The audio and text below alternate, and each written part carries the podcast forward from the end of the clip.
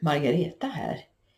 Eh, meditation, ja det är ju bra för vår uthållighet, för vår koncentration och vårt välbefinnande i största allmänhet.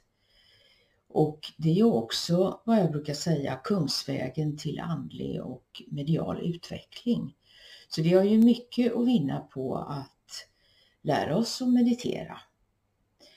Och hur gör man då? Hur kommer man igång och meditera? Jag tänker dela med mig utav några tips som jag har här.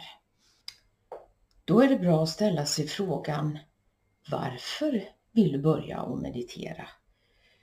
Eh, för i och med att du hittar ditt svar på den frågan så ökar du ju också din motivation till att skapa den här nya vanan att meditera. Så vad var då mina varför så att säga, eller mitt varför?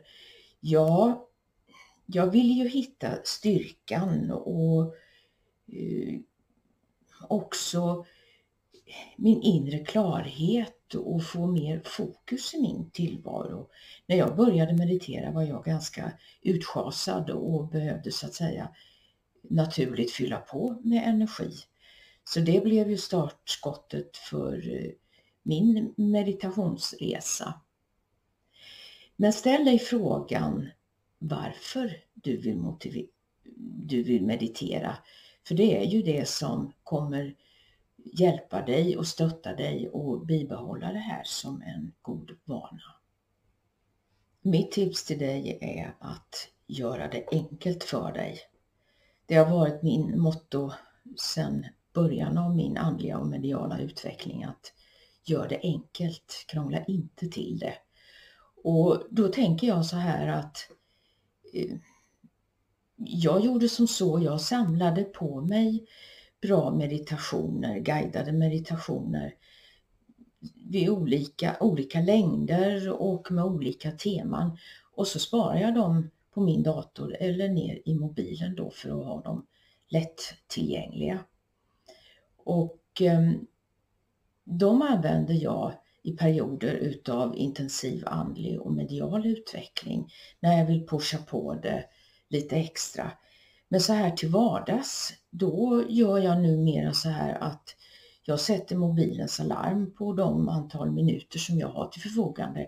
Har jag 10 minuter, har jag 15 minuter på mig att meditera så sätter jag larmet på det och så sjunker jag in så att säga. Jag tar några djupa andetag och fokuserar på min andning, hur jag andas in, hur jag andas ut i den rytmen och eh, det är ju det bästa sättet att, och det enklaste sättet också, eh, att ehm, gå in i ett meditativt tillstånd. Skapa en daglig rutin utav det hela.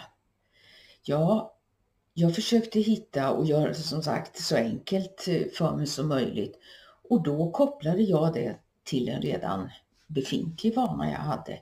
Det kan ju vara allt från borsta tänderna till innan du har ätit frukost och jag valde det här med innan frukosten för att verkligen få det att bli av. Och på det sättet var det ju mycket lättare att etablera det som en ny vana. Eh, det är klart, på helger och semestrar då kan man ju göra på lite andra sätt. Och, eh, men då finns det ju andra tidpunkter under dagen som man kan meditera under semestern kanske sätta sig och meditera till en härlig underbar solnedgång eller varför inte i månsken. Det är ju faktiskt helt sagolikt underbart. Mitt råd till dig det är att sitta upp när du mediterar.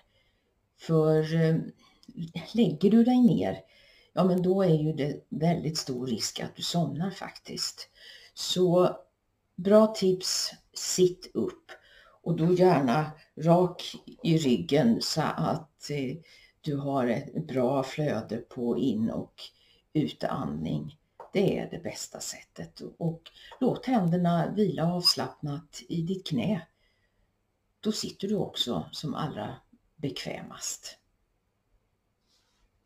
Mitt sista tips till dig är att sätta ribban lågt och framförallt döm inte dig själv.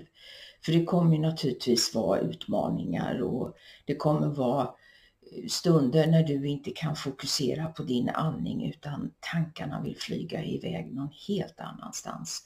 Och det är väldigt naturligt att vardagstankar dyker upp och det gör det ju i början och när man är under stress eller i olika situationer. Det kommer och det kommer också att försvinna vartefter. Och det är ju inte någonting, det är ju inte ett misslyckande och du gör ju inte fel på något sätt utan du får se det här som att ja men nu tränar jag på att ta tillbaka mitt medvetande, min fokus på andningen och du blir ju bättre och bättre på det här också. Så döm inte dig själv utan ge, ge, dig tid på, ge dig tid så att säga att hitta en bra teknik. Och när man väl kommer in i det så går det väldigt snabbt att komma in i förändrat medvetandetillstånd som ändå meditation handlar om. Och du får den här stunden av skön avslappning helt naturligt.